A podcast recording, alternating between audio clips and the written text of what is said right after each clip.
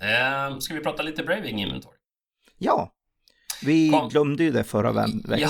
eh, I all hast och all engagemang och vi var så, vi var så på att förra veckan för vi hade så mycket vi ville prata om så då glömde vi bort att prata om Braving Inventory. Minns ni att innan jular och under hösten så drog vi igång och diskuterade Brené Browns så kallade Braving Inventory ifrån hennes bok som heter Dare to Lead. Och eh, vi kom så pass långt så att vi kom till bokstaven I innan jul och nyår innan vi stängde butiken. Så idag ska vi prata om bokstaven N i Braving som står för Non-Judgment. Jag läser högt Kim så ska vi göra lite analys om non-judgment. I can ask for what I need and you can ask for what you need. We can talk about how we feel without judgment. Jösses vad det är svårt. Om jag säger precis vad jag behöver och så säger du precis vad du behöver utan att bli dömd av någon eller någon proffstyckare som kommer in och säger att vad jag känner eller vad jag behöver är fel. Ja, men det måste ju vara korrekt för mig att säga, nu tycker jag du tycker fel här. Nu tycker jag du känner fel här. Mm. Utan att lägga lite huvudet på sidan och se lite bedömande ut när du säger det dessutom. Ja, så. Eh, nej, vad det gäller just presentation av någons känslor. Om jag presenterar vad jag känner eller vad jag behöver eller vad jag tycker eller vad, vad, om jag vill leverera en känsla, en upplevelse. Då kan faktiskt inte du som tar emot den, om du, om du är en bussig prick och gör det här på rätt sätt, säga Daniel vad du har fel i vad du tycker. Utan, vad var det hon pekade på? Utan judgment, utan bedömande. Även om jag kanske på sista raden inte hade rätt, eller det kanske inte blev som jag vill, eller så som jag uttrycker mig, men min oro eller den känsla jag har kan inte vara fel. Men vi kan, vi kan däremot bemöta den genom att reda ut den. Men inte genom att säga asch vad du har fel Daniel, när du känner så. Nej, så för att vara tydlig, vad jag känner är helt och hållet vad jag känner. Det kan aldrig vara rätt eller fel. Det är vad jag känner. Det Mm. som är fel om jag inte är ärlig med vad jag känner. Mm. Om jag säger, jag tycker om dig Daniel, men min känsla är att jag hatar dig egentligen. Ja, då är det ju klart, då är det inte vad jag faktiskt känner. Men om jag är vad jag faktiskt känner, ja då kan ingen annan ta ifrån dig det du faktiskt känner, för det är vad du känner. Mm. Sen kan jag tycka att om du säger åt mig, jag hatar dig Kim, Mhm. Ja, då kan jag bara, okej, jag accepterar att du känner så. Mhm. Sen kan jag tycka att varför känner han så, det är inte motiverat. Det är en Mm. helt annan sak. Mm. Och det är min känsla. Mm. Och sen kan jag bli ledsen över att du hatar mig. Mhm. Det är också min känsla och då är det okej. Mm. Men det hindrar inte att det du känner, det innebär inte att det du känner är fel. Så att jag vet inte, det här är intressant. Jag, eh, som många andra, har en favorit stand-up-komiker som heter Ricky Gervais. Väldigt kontroversiell herre som spyr ut sig precis vad han tycker och tänker, fast på en scen i en mikrofon inför publik. Gärna live också så att det inte finns en producent som kan sitta en beep, beep, beep, beep-knapp när han trycker, när han säger vräker ur sig saker. Han har en kommentar just om det här. Kan man skämta om precis vad som helst i världen? Ja, det kan man, säger han. Baserat på att om jag säger någonting som du upplever antingen jobbigt, hemskt eller fruktansvärt så är det okej ifall du upplever det som jobbigt, hemskt och fruktansvärt och sen gick livet vidare. Det var inte en attack mot dig som person. Du behöver, det finns det här, just det här vid bedömandet av vad någon säger. För jag skulle vilja säga att den här quoten hänger väldigt mycket ihop exempelvis vårt Twitter-beteende eller sociala medier-beteende. Någon skriver någonting på Twitter, någon skriver någonting på sociala medier och sen kommer stora tyckarkullen gänget som kommer och vräker in massa åsikter om hur fel den personen har. Judgment, bedömande. Kan inte ta någons kommentar, kan inte ta någons skämt, eh, oavsett om det är skämt eller ärliga känsla, på annat sätt än att det var ett hot mot mig som person och jag tog illa vid mig. Och så ska jag berätta för dig hur fel du har som känner så, fast jag tycker för att jag inte tyckte så. Ja, Och var tydlig, det kommer aldrig att kunna komma undan med att någon kan ta illa vid sig. Förmodligen aldrig. För att vara extremt tydlig. Mm. Och där måste man då också göra bedömningen, hur hanterar man det? För att det är ju helt okej då att känna sig offended För mm. det kan man inte, som jag sa, lika lite som jag kan påverka att fördöma vad du tycker, mm. så kan jag inte heller påverka vad du kommer att känna. Så om jag säger hej till dig och du blir offended, ja. så kommer det inte hindra att du blir offended. Nej. Precis. Sen så får man ju kanske diskutera då vem äger, eh, som man brukar säga här, vem äger större delen av det problemet? exakt. Är det mer ett antisocial behavior eller finns det ett skäl till att bli offended? Så det, det Brené vill få sagt med den här non-judgment-delen är just att om jag förmedlar en känsla till Kim Oberoende vad det är så är det min känsla, jag äger den och den är inte fel baserat för att jag, ja det är så jag faktiskt känner. Om Kim tar emot det på ett korrekt sätt, då tar han emot den, lyssnar, bedömer inte överhuvudtaget utan kanske ställer en motfråga. Varför känner du så? Och vad skulle vi kunna göra åt det? Eller vad vill du att vi ska göra? Eller hur skulle vi kunna ta oss an det? Alternativt komma sen, när vi har presenterat den, med sin egen känsla tillbaka. Om de inte matchar så är det okej. Okay. Då har vi två känslor som inte matchar varandra, men ingen blev arg och ingen blev dömd och ingen kommer hata varandra när vi kommer till jobbet imorgon bitti.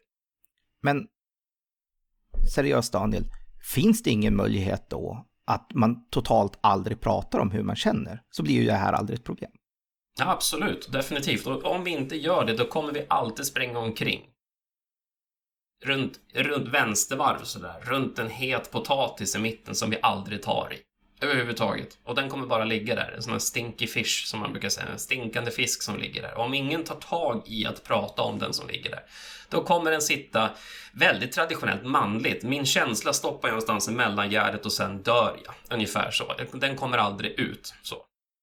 Nej, och ska jag vara väldigt ärlig så är det nog bland det sämsta av att om jag inte får ur det jag känner så kommer det skapa stress, oro, det kan, det kan vara grunden till en depression. Det kan vara orsaken till att jag aldrig kommer in i ett socialt gäng. Det kan vara orsaken till att jag vantrivs på en arbetsplats.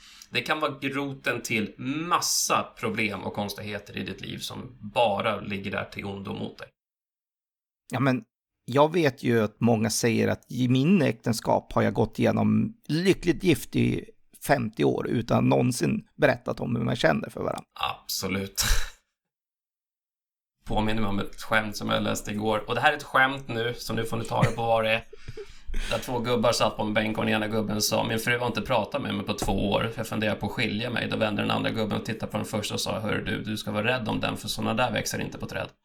Och då, och det var ett skämt, ungefär roligt, haha så. Um, men vi kan leva i en sån relation, absolut, där vi aldrig pratar med varandra och vi, och vi, har, vi mår sådär himla bra och vi är sådär himla lyckliga och då sitter vi till slut med glasrötter hand, i handen så tittar vi varandra djupt i ögonen efter 30 års äktenskap och så säger vi Gud vad vi älskar varandra. Ja, vi har inga problem. Och så sitter vi där och funderar och tänker vi, jo det har vi visst. Men vi tar inte upp dem och vi förmedlar dem inte. Vi går bara omkring och som knyter handen i fickan och är irriterade istället. Det är mycket bättre. Men du menar på fullaste allvar att det är bättre att berätta för varandra vad man känner? Vill du ha någon förmåga till att bygga en relation och om du tycker att det är viktigt i livet, och det vågar inte jag säga att alla tycker, men om du tycker att relationer är viktigt och om du framförallt har ambition att bygga ett lag som ska kunna jobba ihop, oberoende miljö, förutsättning och vad ni praktiskt gör, så är det en grundförutsättning att man har vart fall tryggheten av att om jag behöver förmedla en känsla så kan jag det utan att de på andra sidan skranket dömer mig för det jag säger. Det är bevisat om och om och om igen. Hur får man det då? För att jag upplever också att även om man rationellt är jättetrygg med att man vet att ens kollega kommer inte att bedöma en, eh, döma en för det så är det ens egen fruktan för det här som alltid står i vägen till stor del. Ja, absolut. Det, det, det tror jag nog. Nu, återigen, du och jag är inte utbildade psykologer, men jag är nog beredd att säga att hade vi tagit in en som var utbildad på det här området, just vad det gäller den delen, så ens egens rädslor. Du har ju pratat om det tidigare avsnitt, rädslan att, att be om hjälp. Det här är ganska snarlikt med rädslan att säga, våga säga vad jag känner. För den hänger väl, det, det är otroligt blottande. Du, du blottar ju dig själv som person inför andra. Liksom, det är bara sprätta buken och säga här är jag. Och så sätter du själv på ett bord inför alla och så säger jaha, och höll, om inte nu alla höll med mig så kan det bli antingen väldigt socialt obekvämt eller så kan jag känna mig väldigt, väldigt exponerad.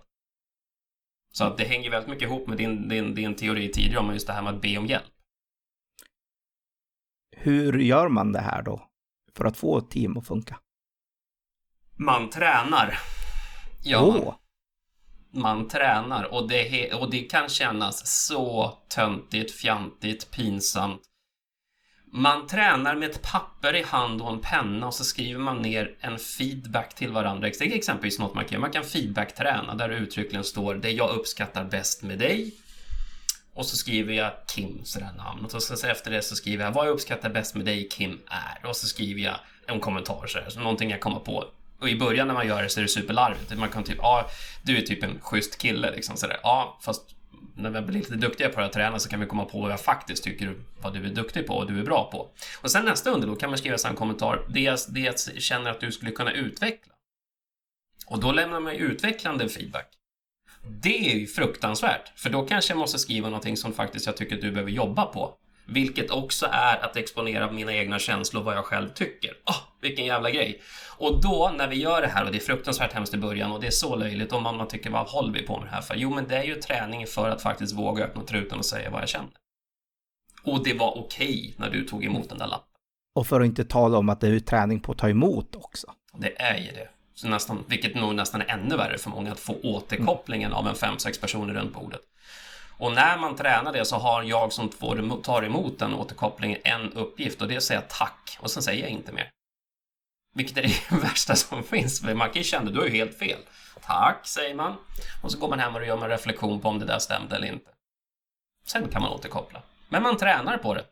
Och det är ju upp till dig som leder laget att sätta igång träningen. För alla, ja men vem ska göra det då? Ja, antingen så gör ju medlemmarna i teamet det själv eller så förhoppningsvis han, han eller hon som driver teamet. Börja träna precis som ni tränar på att bli duktiga utvecklare eller säljare eller marknadsmänniskor eller vad det nu är för någonting. Det är en skill.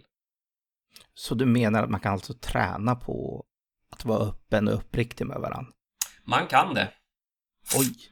Det är precis vad man kan. Vilken grej Vilket konstigt jävla koncept. Ja, jag vet. Det här, jag vet, det låter en magisk kula liksom. Man tränade på någonting och så vart man bättre. Oh, vilken grej sådär. Ja, men det är precis men, så det går till. Men alla som säger att kommunikation är bara en medfödd talang och inget du kan lära dig eller utbildas i. Eller ja, då säger, säger jag precis som att det är som att spela fotboll och kicka boll. Du, antingen, vissa föds bara med, med bollen vid fötterna och det går hur enkelt som helst i början och vissa har jättekrångligt. Men kan jag lära de flesta att spela riktigt, riktigt kompetent fotboll? Ja, om jag tränar på det. Men det kanske tar en 10, 12, 15 år. Samma sak gäller här. Det finns ju de som bara... Tänk på de som går in på en fest exempelvis och bara går in och här är jag och så bara skjuter de ut i känslor, de berättar vad jag känner och de är hur sociala som helst. Liksom, det finns inga hinder på hur mycket. Och så finns det de som står i ett hörn inne vid en vägg bakom bardisken och trycker. Och, ja, men kan jag få den personen att börja prata också på slutet? Ja, om han eller hon väljer att träna på Och lösningen för att vara tydlig med Brené Brown, som hon också säger i sin bok, är inte oversharing. Nej. Det är inte att gå tvärtom och bara berätta precis allt man tänker hela tiden heller. Det är inte meningen. Det är utan... inte vad det går ut på. Men att få ur sig det som är relevant. Och att inte känna att man blir dömd av sina kollegor Nej. när man säger det. Nej. Det är en stor grej. Det är non-judgment. Träna. Och det är ett tecken på en bra kultur. Så. Ja, det är det också. När du har gängen som bara spontant över en fika kan sitta och verkligen öppet berätta vad de känner för varandra, då har ni, då har ni kommit långt. Men tricket är för det att träna, träna, träna precis som om vi ska gå, bli snabbare eller starkare eller vad vi nu ska göra för någonting. Träna, finns inget annat. Så,